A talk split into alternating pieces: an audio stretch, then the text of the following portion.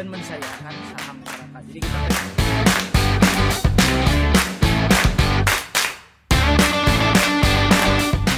beda sama Jakarta kalau orang Bandung tuh uh, pasti investasiin buat sekolah anak evolve into something new gitu. Kupu-kupu mungkin ke- Eh, ayahku tuh satpam gitu kan di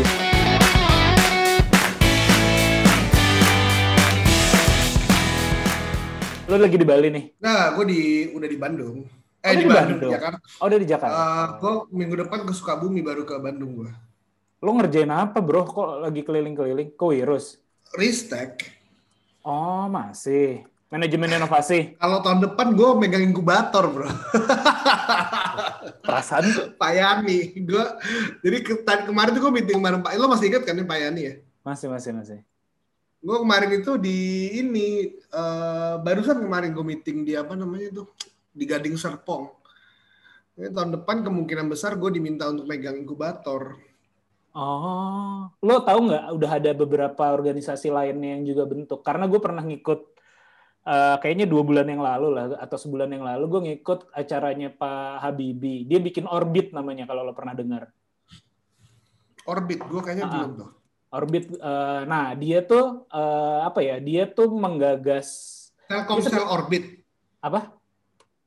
Telkomsel Orbit bukan kan? Bukan, bukan kepanjangannya apa ya? Nanti gua nih gua gua gua email. Gua ngikut gua ngikut kelas dia terakhir ada ininya, ada apa namanya?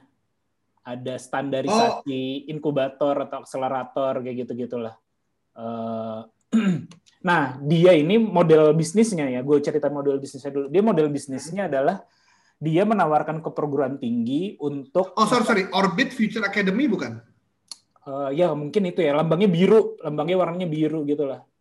Orbit Future Ini Academy. betul betul. Orbit Future Academy. Betul. Oh iya iya. Oke. Betul, betul. Oke, terus, nah dia bisnis modelnya sebenarnya yang dia jual adalah dia tuh punya modul inkubator. Bagaimana cara menjalankan inkubator A sampai Z. Bagaimana inkubator itu tetap profit dan segala macam dan dia mengharapkan jualan ini ke eh, perguruan tinggi sebenarnya. Perguruan tinggi yang tidak mampu membuat inkubator diajarin dan dilatih eh, ya sebenarnya ini ide-ide yang cukup udah lama gue sempat share ke lo juga gitu. Dan kemarin gue ngikut acaranya dia untuk pengen tahu modul yang dia ajarkan apa aja sih dan A, A sampai Z-nya dan segala macam kayak gitu.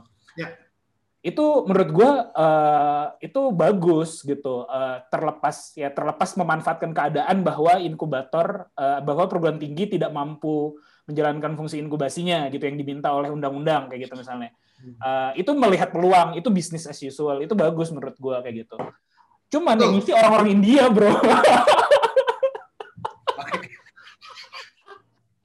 Tapi kalau mereka kompeten bro, jangan-jangan tunggu tunggu tunggu. tunggu. Orang Indianya namanya Suresh Kumar bukan? aduh ada ya bentar ya gue lihat dulu ini Kalau benar, gue tahu itu itu itu jago banget bro. Itu adalah fasilitatornya untuk incubator incubation training programnya InfoDev untuk eh, apa namanya Ya. Eh, South Asia. Eh, enggak. Sekarang dia mulai kali kalau lo mau ikut-ikut kayak gitu ke gue, gue udah harus mulai masuk ke startup scene nih.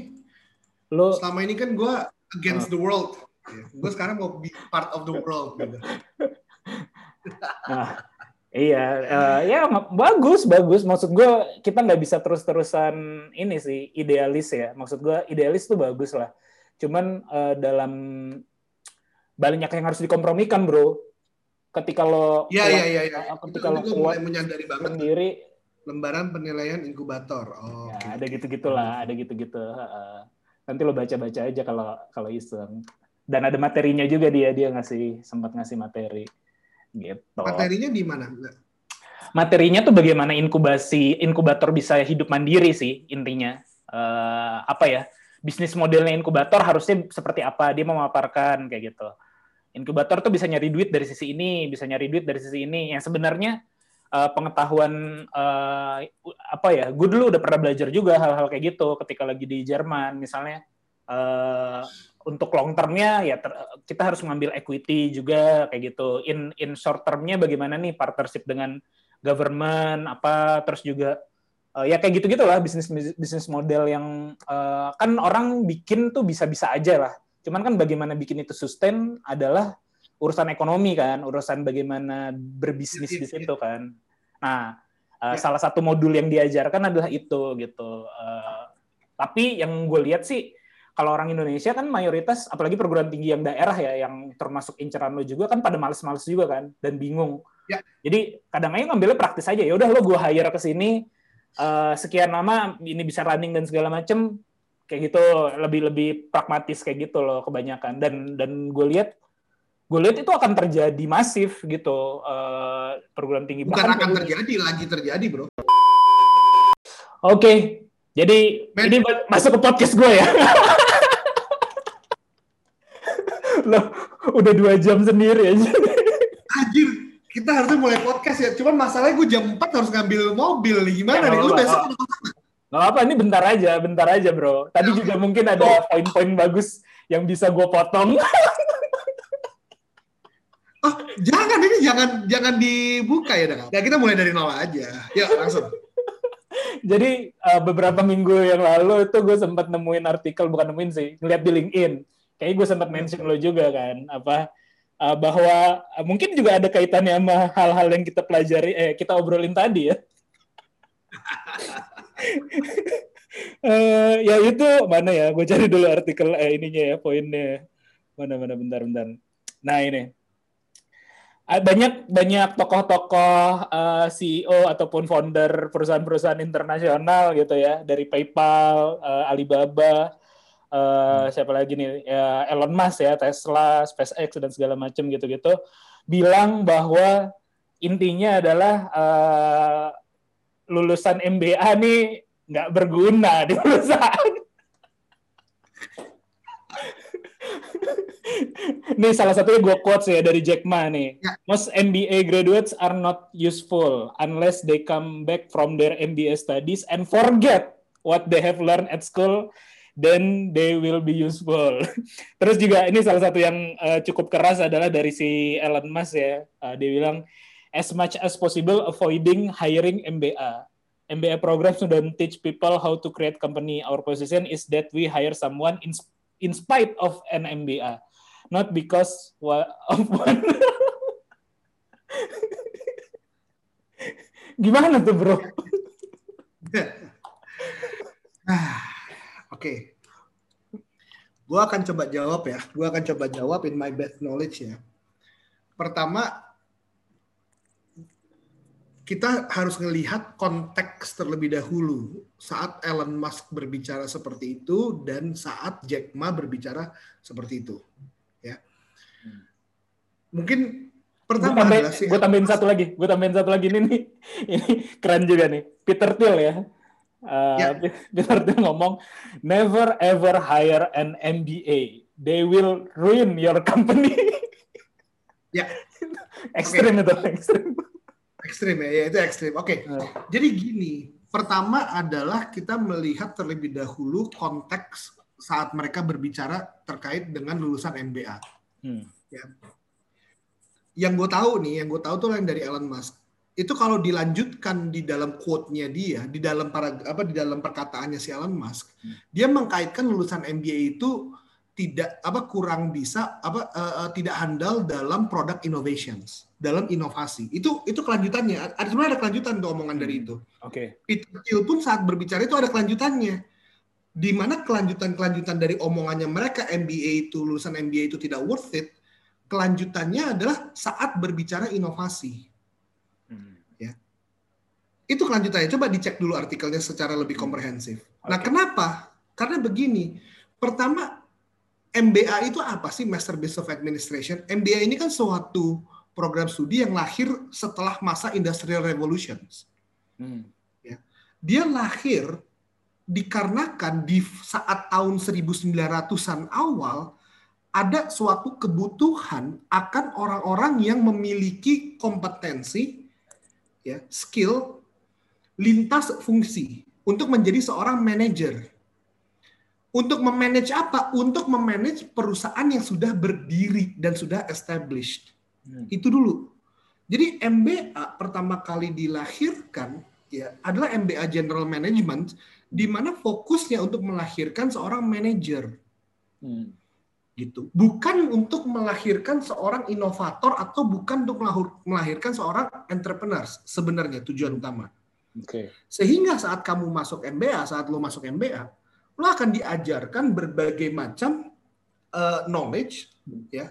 Lo akan mendapatkan berbagai macam knowledge maupun skills terkait dengan fungsi-fungsi organisasi. Namun itulah organisasi bisnis yang sudah established, Hmm.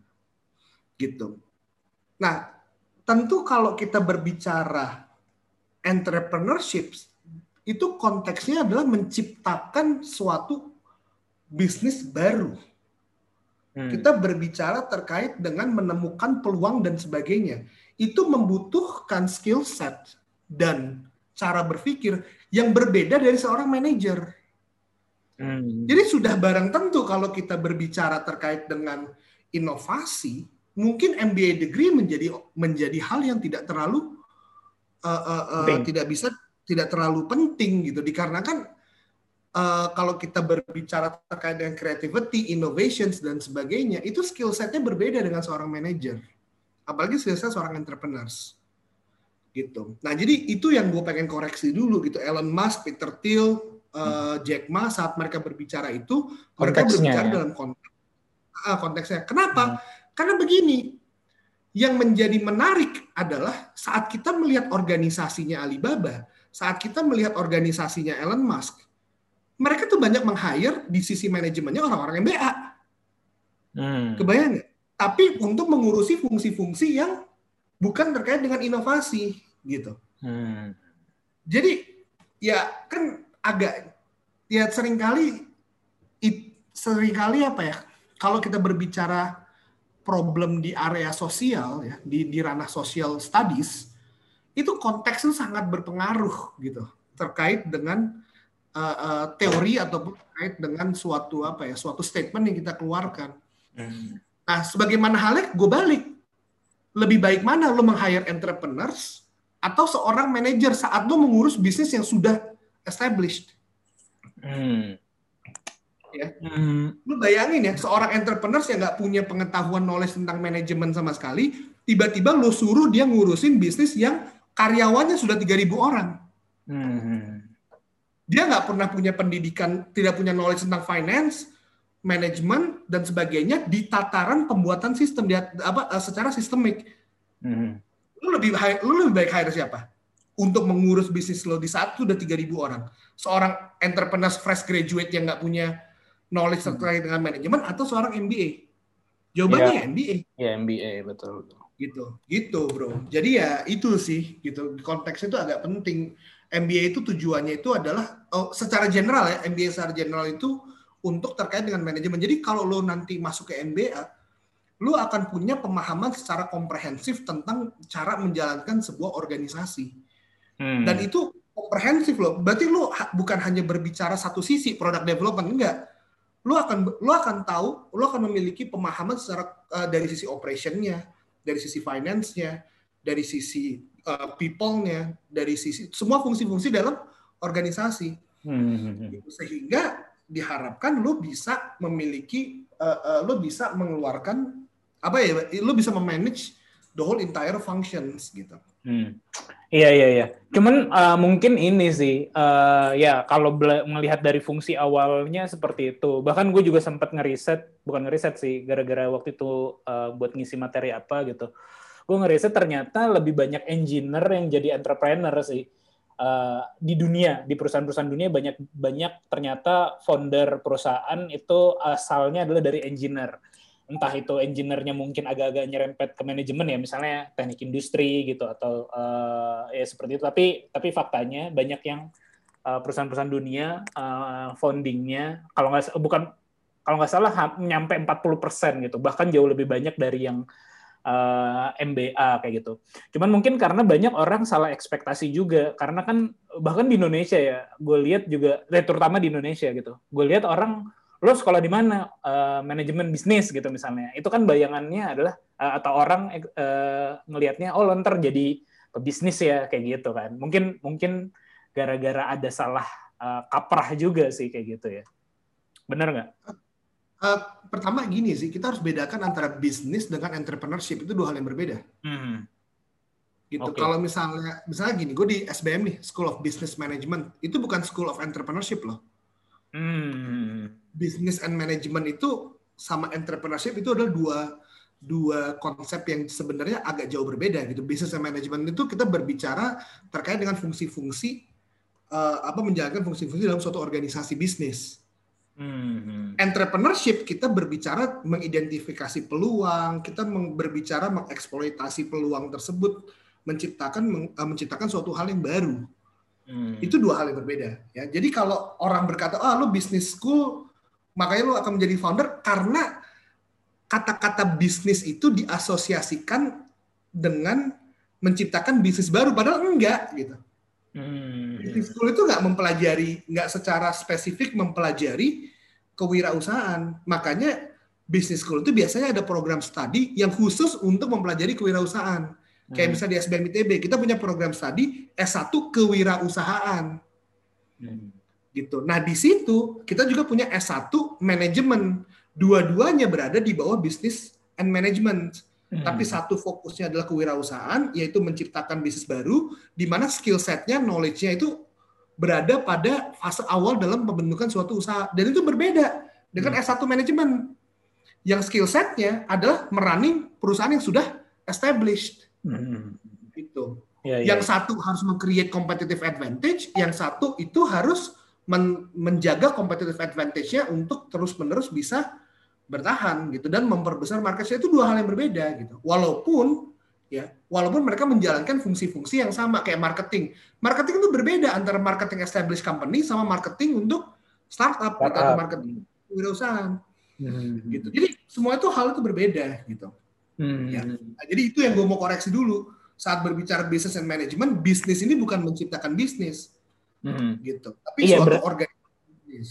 Iya berarti mungkin tadi ya ada salah kaprah juga di situ gitu. Bahkan gue juga sempet dulu pengen masuk eh, sekolah gitu ya, eh, ngambil MBA tapi MBA engineer. Jadi kalau di Jerman itu ada eh, apa ya, gue lupa nama program studinya apalah. Tapi gelar lulusannya adalah MBA Eng. Kayaknya gue pernah pernah cerita ke lo ya. Eh, Ya, ya, ya gue pernah cerita dulu. Uh, dan kalau kalau lo emang Jerman mah suka aneh-aneh aja sendiri, suka-suka sendiri. itu pun waktu itu, waktu itu gue tertarik ngambil di situ, bukan kan gue lihat kurikulumnya, gue lihat modul-modul ajarnya dan segala macam, karena mereka terbuka, udah ada di websitenya tuh kayak gitu-gitu. Uh, pun gue ngambil spesifikasi, uh, niatnya ngambil spesifikasi penjurusannya itu untuk di ada namanya BPO, Business Process Outsourcing karena waktu itu gue lagi into banget lah uh, terkait dengan outsourcing kayak uh, co-working space juga kan termasuk salah satu bagian dari BPO, airport dan sejenis-sejenisnya logistik yang kayak gitu-gitunya lah. Dan memang kalau gue lihat kurikulumnya bukan uh, creating the BPO or- organization gitu, tapi kayak oh, biar tahu prosesnya, biar tahu dan segala macamnya. Jadi memang uh, Ya. kayaknya banyak salah kaprah. Jadi lo menganggap Sebenarnya bukan gue gue akan sedikit nambahin eh, Ji ya. Bukan salah kaprah. Jadi begini. em, tadi kita baru berbicara MBA di tataran historikalnya. Maksudnya Hmm. yang kita berbicara adalah MBA pertama kali yaitu General Management. Kenyataannya sekarang dikarenakan muncul kebutuhan-kebutuhan baru, ya muncul kebutuhan-kebutuhan baru dengan konteks-konteks baru, maka MBA itu pun berkembang. hmm, Kita di SBM itu ada MBA Business Leadership, ada Hmm. MBA Global Leadership, ada MBA Entrepreneurship, hmm, ada MBA General Management, ada MBA Energy, ada Hmm. MBA uh, Creative and Cultural uh, uh, apa Creative and Cultural Entrepreneurship, ada MBA yang profesional. hmm. Jadi artinya apa? Pertama kita lihat produk MBA ini tuh at the end of the day adalah produk jualan.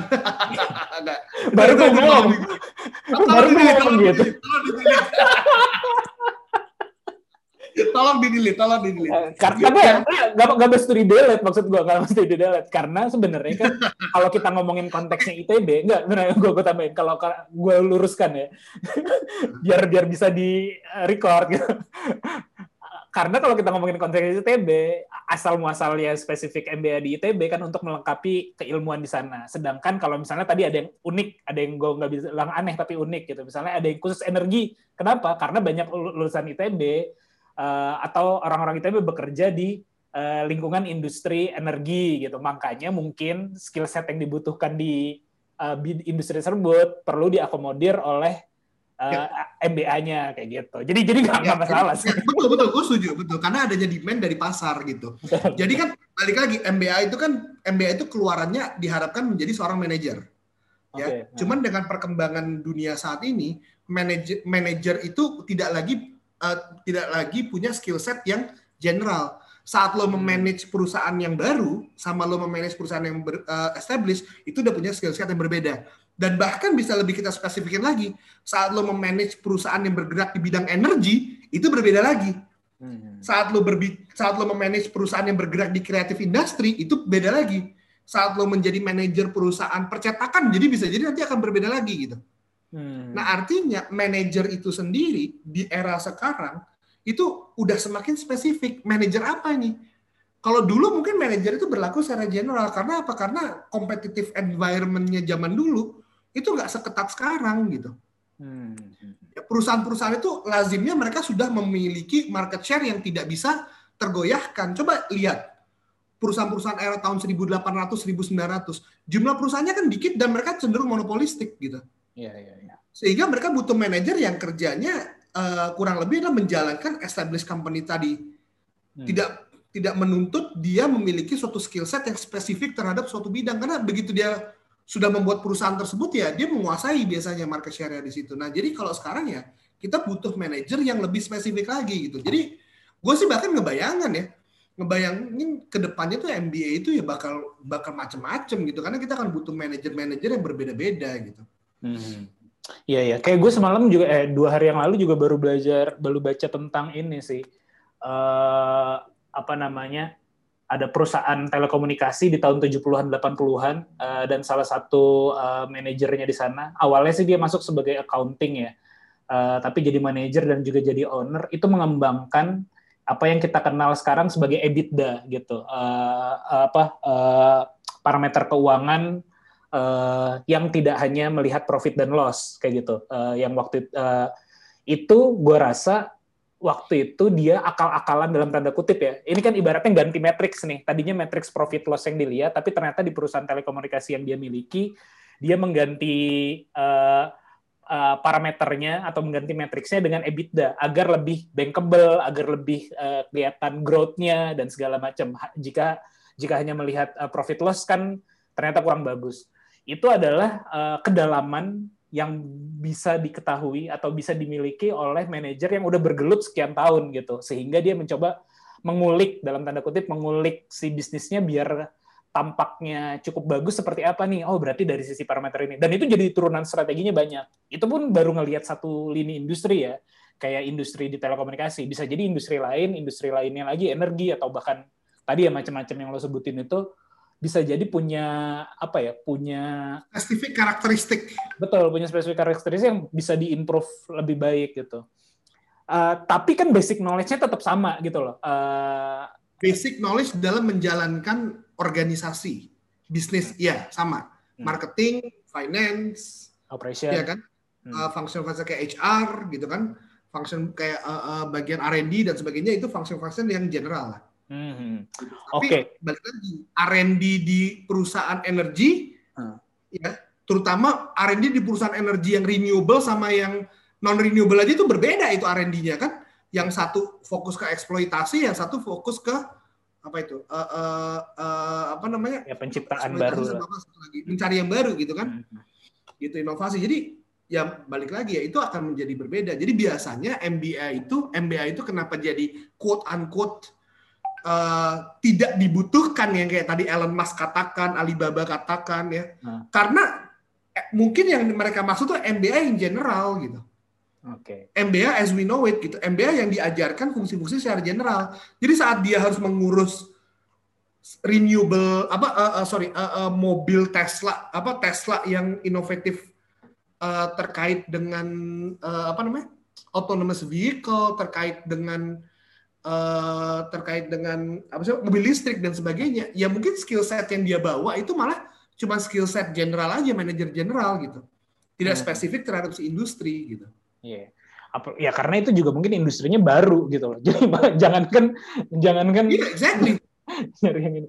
Makanya Jangan kalau M- gua Hmm? kalau gua eh, gue pernah ada hiring ada anak eh, S1-nya manajemen dan lagi S2 MBA ya.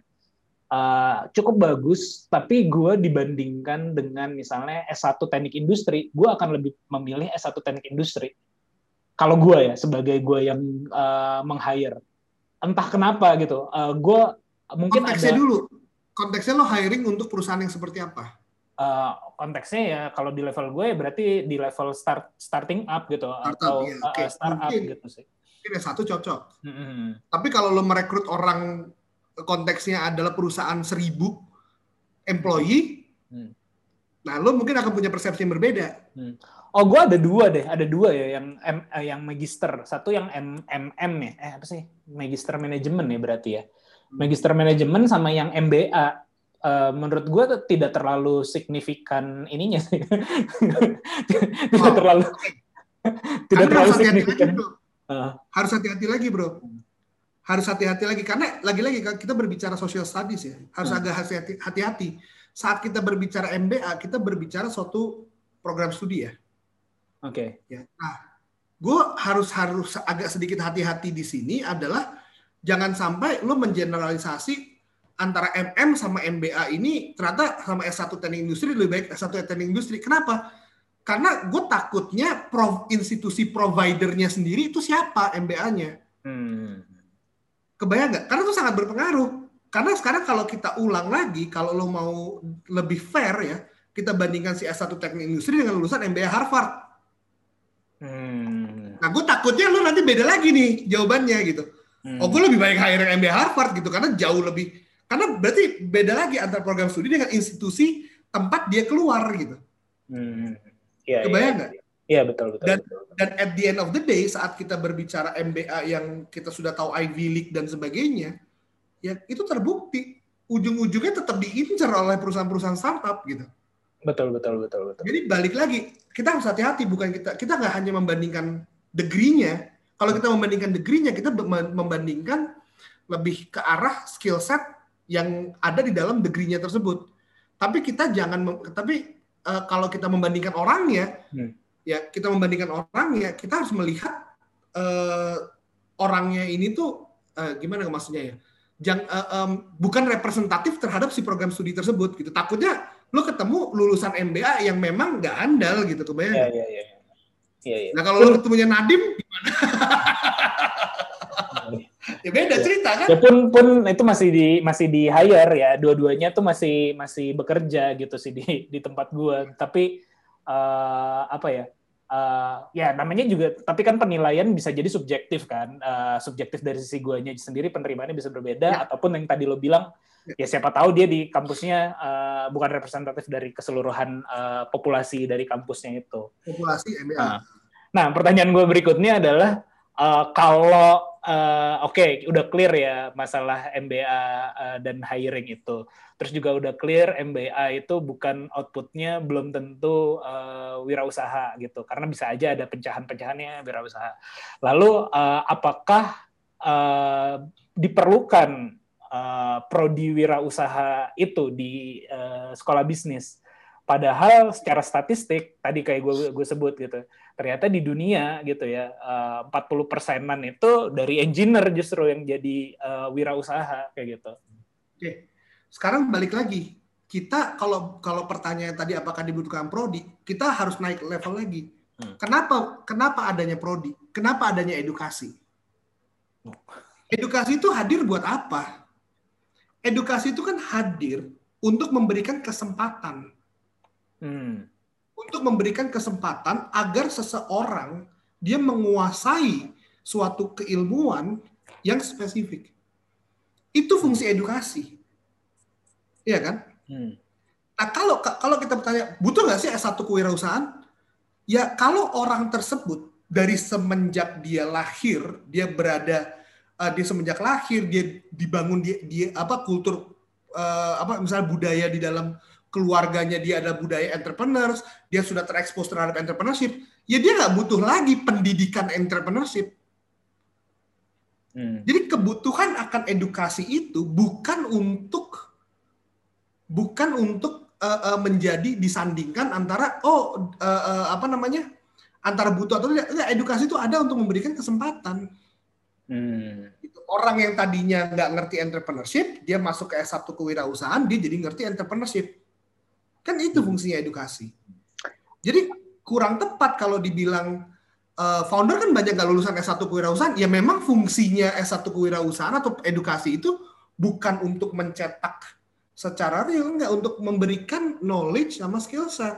Perkara keputusannya mereka selanjutnya mau menjadi wirausaha dan sebagainya itulah keputusan pribadi mereka. Hmm. Gitu. Iya ya.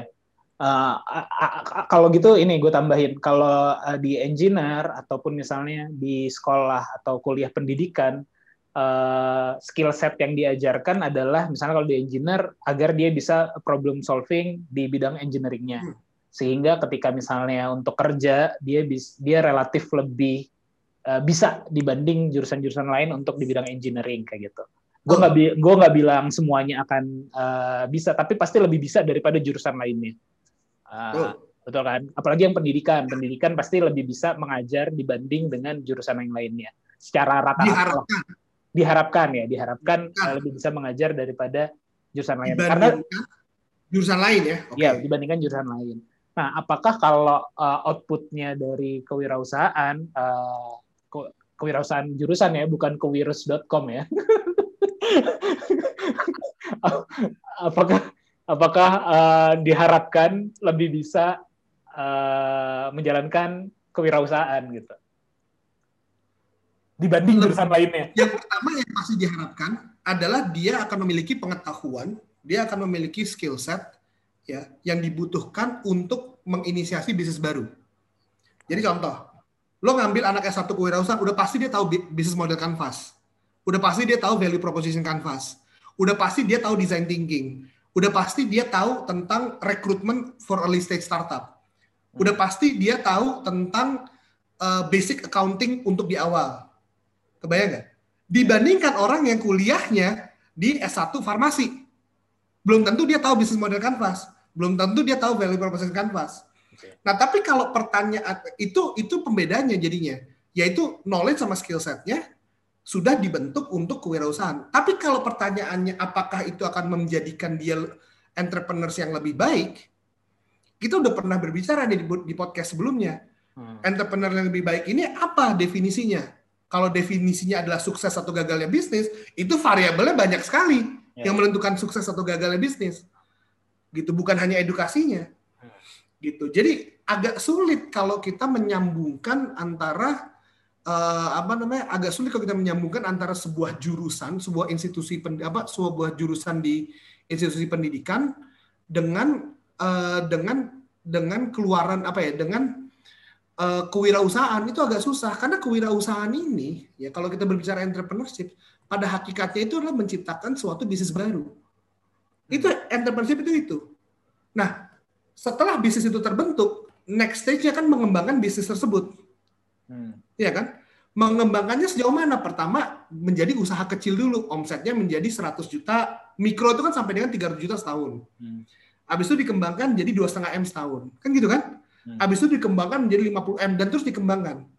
Nah, kebanyakan kalau kita berbicara entrepreneurship, orang itu fokusnya itu masih di ranah fase pendirian si bisnis tersebut. Nah, untuk mendirikan bisnis, Anda nggak butuh quote unquote, Anda nggak butuh knowledge management sama sekali. Hmm. Lah kan lo bikin bisnis manajemen apa? Lo cuma sendiri atau nggak berdua sama temen lo? Hmm. Finance juga nggak ada aktivitas untuk mendirikan suatu usaha itu kan kemampuan yang lo butuhkan adalah kemampuan untuk mengidentifikasi suatu peluang, Hmm. Iya kan? Ya, ya. Nah di situ itu nggak ada hubungannya dengan jurusan pendidikan apa pun, karena skill set yang dikuasai itu ada skill set yang menyangkut cara dia berpikir, Hmm. Pun cara dia uh, iya. Uh, da- pun berarti sebenarnya jurusan ini uh, baik itu manajemen bisnis ataupun spesifiknya kewirausahaan uh, bukan kayak jurusan-jurusan lain yang memang jadi standarisasi untuk profesi tertentu ya. Jadi Bukan khusus kewirausahaan ya, khusus kewirausahaan. Manajemen juga begitu dong. Manajemen juga begitu kan? Karena kan belum tentu uh, bisa jadi dari tempat lain bisa aja jadi manajemen bisa memiliki kemampuan manajemen yang baik dan menjalankan perusahaan dengan 3.000 atau 10.000 karyawan. eh, Begini, Hmm. ah oke. Jadi begini, bro. Jadi begini.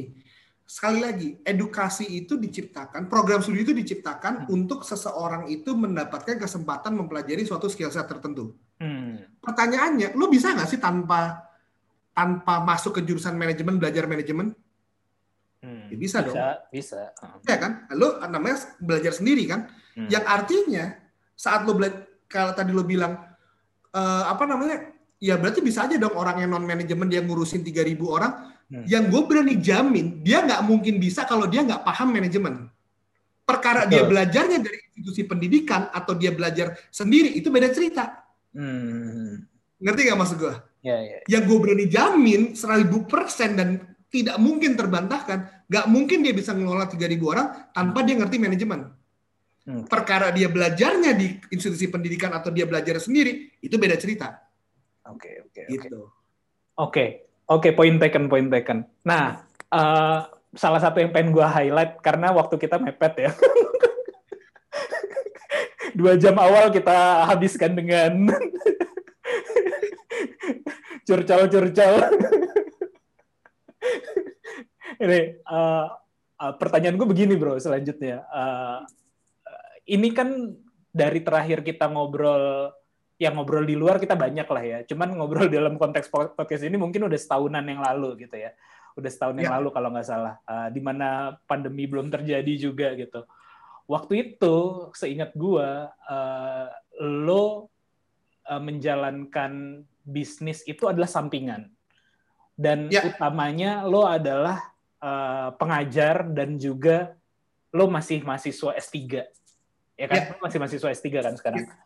Nah, eh, sekarang yang mana udah gua ketahui juga gitu bahwa lo sudah beralih fokus nih. Mahasiswanya kalau nggak salah lo lagi cuti. Jangan dibahas dulu. Eh, dan juga eh, dosennya gue nggak tahu lo masih mengajar mengajar di institusi resmi atau Masih, masih. masih. oh masih ya? Kalau itu ngajar masih. enggak. Eh, sebelum ke pertanyaan terakhirnya gue pengen nanya lo reasonnya apa nih sekarang? Kenapa ngerubah nge- mengubah fokus lo gitu? Peluang kah? Lo ngelihat potensi kah? Lo nggak mau kehilangan momentum atau apa gitu?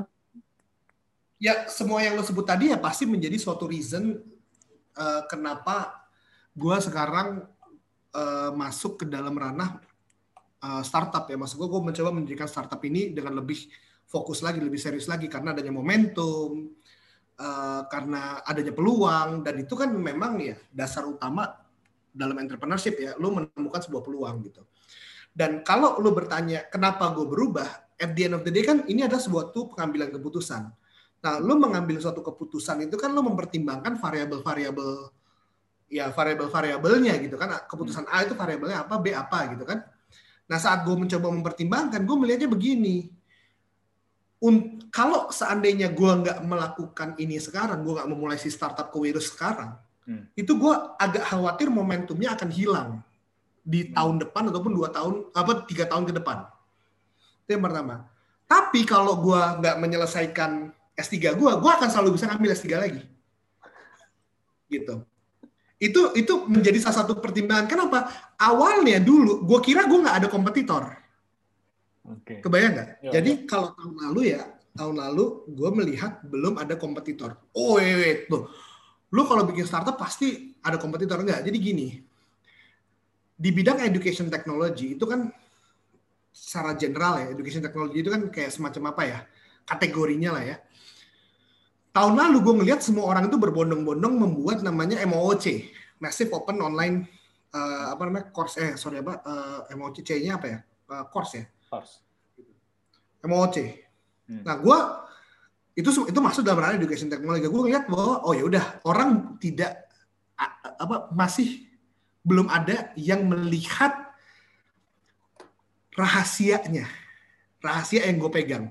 Ini gue kutip dari Mas Menteri Nadiem Makarim. Jadi tadi malam kita mengundang eh, SBM ITB mengundang eh, Nadiem Makarim datang ke Leadership Night. Hmm. Terus ditanyain kenapa lo bikin Gojek? Padahal lo udah menjadi konsultan yang uh, established saat itu, ya kan? Kenapa lo willing untuk keluar? Dia jawabannya dia kurang lebih jawabannya sama persis kayak gue aja. Paling gue niru. Dia jawabannya kalimat pertamanya Mas Menteri Nadiem itu bilang gini, karena gue punya suatu karena di saat itu gue melihat ada suatu rahasia yang semua orang itu agaknya mayoritas orang tuh nggak sadar bahwa ojek sektor informal ojek itu jika diberdayakan itu bisa memunculkan suatu potensi ekonomi yang luar biasa. Dan hanya gue doang tuh yang saat itu kayaknya merasa menyadari hal tersebut. Nah sama jawabannya dengan Mas Menteri tahun lalu gue melihat orang tuh belum pada sadar belum pada aware ada kebutuhan terkait dengan sebuah platform eh, yang eh, sebuah platform untuk inkubator virtual. Ya, suatu platform pendidikan kewirausahaan lah, khususnya untuk institusi-institusi pendidikan di daerah untuk mereka menjalankan proses eh, pendidikannya. Gue ngeliat tuh nggak ada, jadi semua orang di education technology itu berlomba-lomba, coba aja cek. Itu bikinnya MOOC semua, bikin kelas, kelas, kelas, kelas, kelas. Gue ngeliat ada yang bikin platform eh, eh, apa namanya untuk pendidikan kewirausahaan. Cuman dalam beberapa bulan ke belakang, gue ngelihat ada dua orang nih yang udah mulai, gue akan, akan nyebut nama ya, yang agaknya tuh mirip sekali konsepnya dengan kita gitu. Dan gue ngelihat kalau foundernya dari kompetitor gue ini adalah, mohon maaf ya, tapi misalnya orang yang tidak punya pengalaman, gue akan melihat, gue mungkin nggak akan aja. terlalu khawatir ya. Cuman gue melihat foundernya ini adalah orang-orang hebat juga gitu dan punya akses terhadap ekosistem yang lebih luas gitu. Nah di situ gue harus mengambil keputusan gitu Hmm. tadinya gue nggak punya urgensi ya gue melihat rahasia ini tuh orang tuh nggak akan sadar kecuali dia menjadi seorang dosen yang ngajar mata kuliah pendidikan kewirausahaan Hmm. baru dia akan tahu seberapa bahwa ada masalah dalam mengajar kewirausahaan di perguruan tinggi ya kalau lo nggak jadi dosen lo nggak akan tahu sedikit pun masalah lo di mana lo punya 80 murid 80 murid ini semuanya beda ide, semuanya beda progres, sedangkan lo setiap minggu cuma punya waktu dua jam. Gimana caranya lo ngelola mata kuliah ini? Nggak bisa. Padahal mata kuliah kewirausahaan itu jadi mata kuliah wajib di setiap program studi berdasarkan peraturan dari pemerintah. Ini kan nggak banyak orang yang tahu. Yang orang tahu kan MOOC karena ada skill academy. Nah, tapi agaknya dalam beberapa bulan ke belakang ada orang-orang yang sudah mulai menyadari. Dan di situ gue ngelihat ini udah ur- udah urgent untuk gue fokus lebih dalam lagi karena sudah mulai punya kompetitor yang spesifik.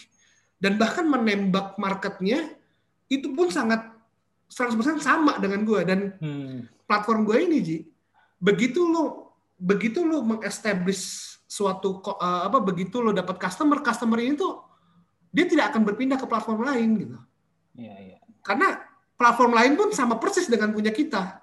Iya. Dan modelnya pun freemium juga, gratis juga. Jadi ya ibarat Cepet-cepetan. kata Cepet-cepetan aja. cepat-cepatan jadinya siapa yang lebih cepat gitu. Hmm. Itu sih kalau menjawab pertanyaan lo kenapa gue tiba-tiba jadi berpindah gitu kan.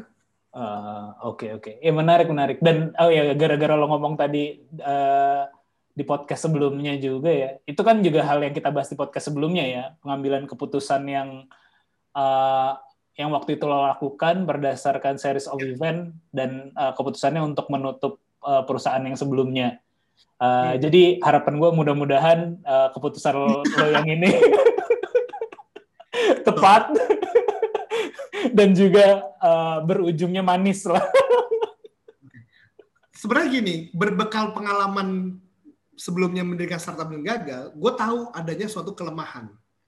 Kelemahan gue yang paling utama itu adalah gue gue agak lemah dalam hal eksekusi dan manajemen. Karena gue adalah seorang akademisi, gue praktek kan jarang gitu kan. Nah, menurut gue persentase keberhasilan kali ini itu akan jauh lebih meningkat ya. Sukses gue ini akan sukses rate gue ini kemungkinan besar akan meningkat jika gue punya advisor yang handal. Jadi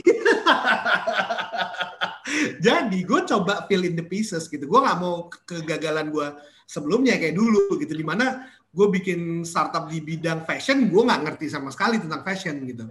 Sekarang gue bikin startup di bidang edukasi, di mana bidangnya bidang gue, tapi gue nggak punya pemahaman terkait dengan eksekusi uh, teknis operasional day to day. Itu gue lemah tuh di situ.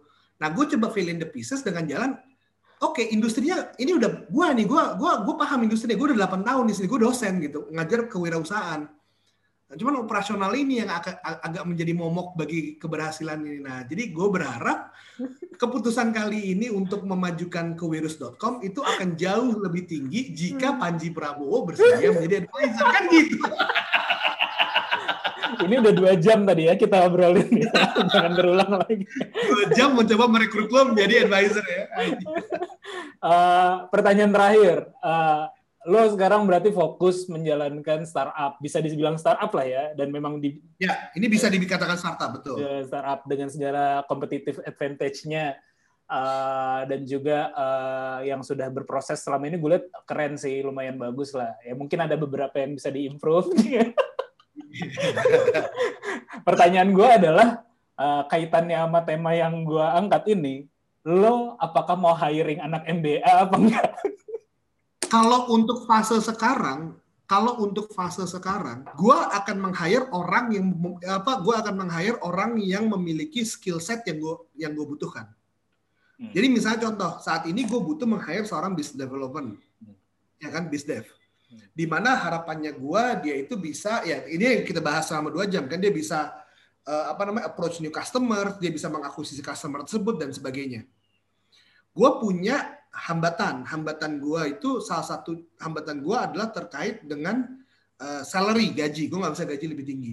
Hmm. Nah jadi kalau misalnya nanya apakah gua akan hire MBA, gua akan hire orang yang bisa menjalankan si uh, posisi tadi dengan baik.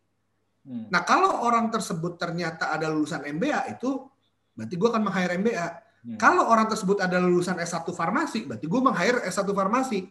Kalau orang tersebut ada lulusannya nggak nggak lulus SMA sama sekali, ya berarti gue hire orang nggak lulus SMA gitu karena kalau menurut gue hiring ini ya ini sebenarnya ilmunya dari lo juga ya hiring itu adalah orang yang uh, bisa menjalankan uh, pekerjaan tersebut dengan baik kan kayak lo tadi cerita lo meng-hire seseorang lo bahkan bilang gue nggak peduli bahkan gue nggak tahu lo S2 nya ngapain misalnya gitu kan gue nggak tahu uh, lo degrinya apa yang gue butuhkan lo menjalankan proses ini dengan baik gitu jadi Apakah gue akan hire MBA? Gue akan meng-hire orang tersebut. Kalau orang tersebut kebetulan di antara kandidat-kandidat tersebut uh, yang memenuhi kualifikasinya gue dengan salary yang gue minta ada lulusan MBA, gue akan hire MBA.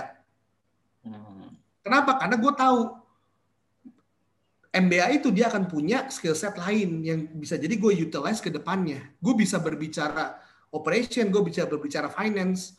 Jadi itu sih cara gue menentukan gitu. Gue akan meng-hire kalau memang kebetulan dia di antara kandidat itu adalah ada MBA, ada engineer, ada apa. Gue akan lihat kalau tiga-tiganya memenuhi skill set yang sama, ya bisa proof bahwa mereka bisa work di ini yang sama, gue akan memilih MBA. Hmm, oke oke oke, menarik menarik menarik. Eh, sama satu yang gue lupa juga yang kaitannya sama diskusi kita terakhir uh, sebelum uh, sebelum mulai podcast ini, itu adalah ini apa namanya tadi yang sempat gue point out cuman kepotong.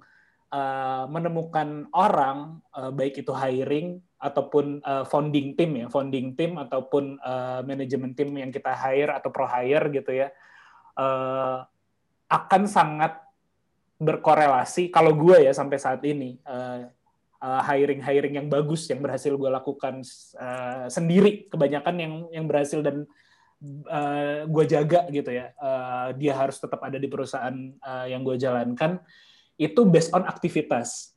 Uh, tadi kan sempat hmm. kepotong ya. Maksud gue based on aktivitas adalah aktivitas yang udah gue pernah berjalankan, uh, baik itu yang gue pengalaman, orang lain udah pernah jalan juga, atau gue pernah berinteraksi dalam suatu aktivitas yang sama dengan dia.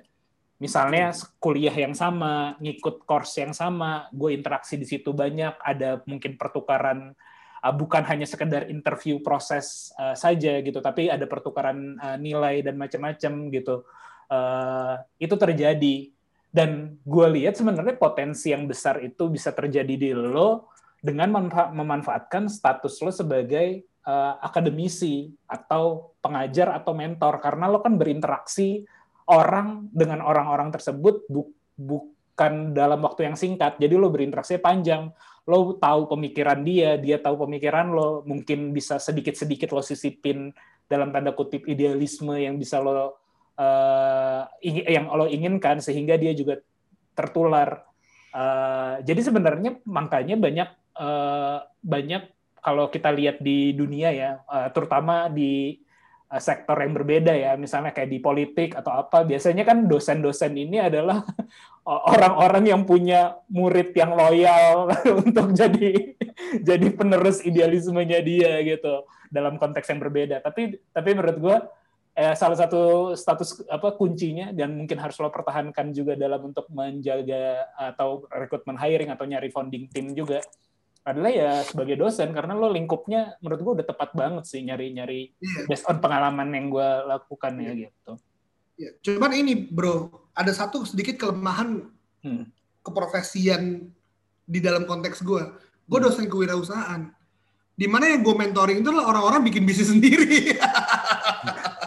Jadi itu yang agak susah jadinya buat gue gitu. Hmm. Kecuali nanti dia gagal bisnisnya, baru gue rekrut gitu, kebayang nggak? Iya, Kalau gue ini kan dosen Ah. di mana dia harus meninggalkan visinya dia, meninggalkan bisnisnya dia untuk join ke gue gitu. Nah itu yang gue tuh alamin. Gue selama ini mengira seperti itu bro. Gue mengira bahwa dengan posisi gue sebagai dosen ngajar MBA entrepreneurship lagi, Hmm. ya, ITB lagi itu akan menjadi suatu value added yang gede. Enggak. Karena murid-murid gue ini semuanya punya bisnis Hmm. gitu. Jadi untuk dia jump ship ikut gua, dia tuh harus either bangkrut, dia nutup dulu bisnisnya atau bangkrut dulu bisnisnya. Dan interaksi gue dengan mereka itu bukan interaksi gue dengan mereka itu adalah untuk membantu bisnisnya dia berkembang justru. Hmm. Jadi kalau gue sebagai dosen itu berhasil, justru dia nggak akan join ke gue. gitu bro, itu yang gue kaget loh. Gue gua ngerti maksud lo, tapi gue agak ternyata posisi gue nih agak agak ini ya, ke- agak apa ya, agak Ambigu. apa ya? karena gimana ya, ngerti nggak dilema, gue? dilema, dilema. dilema jadinya gue gue punya beberapa murid yang gue lihat anjir poten ini potensial banget nih pengen banget gue tarik cuman dia sendiri lagi menggebu-gebu bikin bisnisnya sendiri gitu jadi agaknya gue baru ngeh aja gitu nah tapi kalau gue lihat potensi eh, jadi seorang dosen itu utamanya adalah kalau memang mau merekrut karyawan Ya. employee Ya. jadi kita harus mencari dan itu bagusnya ya mungkin ya gue tuh em, gue kan walaupun ngajarnya kewirausahaan tapi kan gue juga ngajar di manajemen dan sebagainya kan.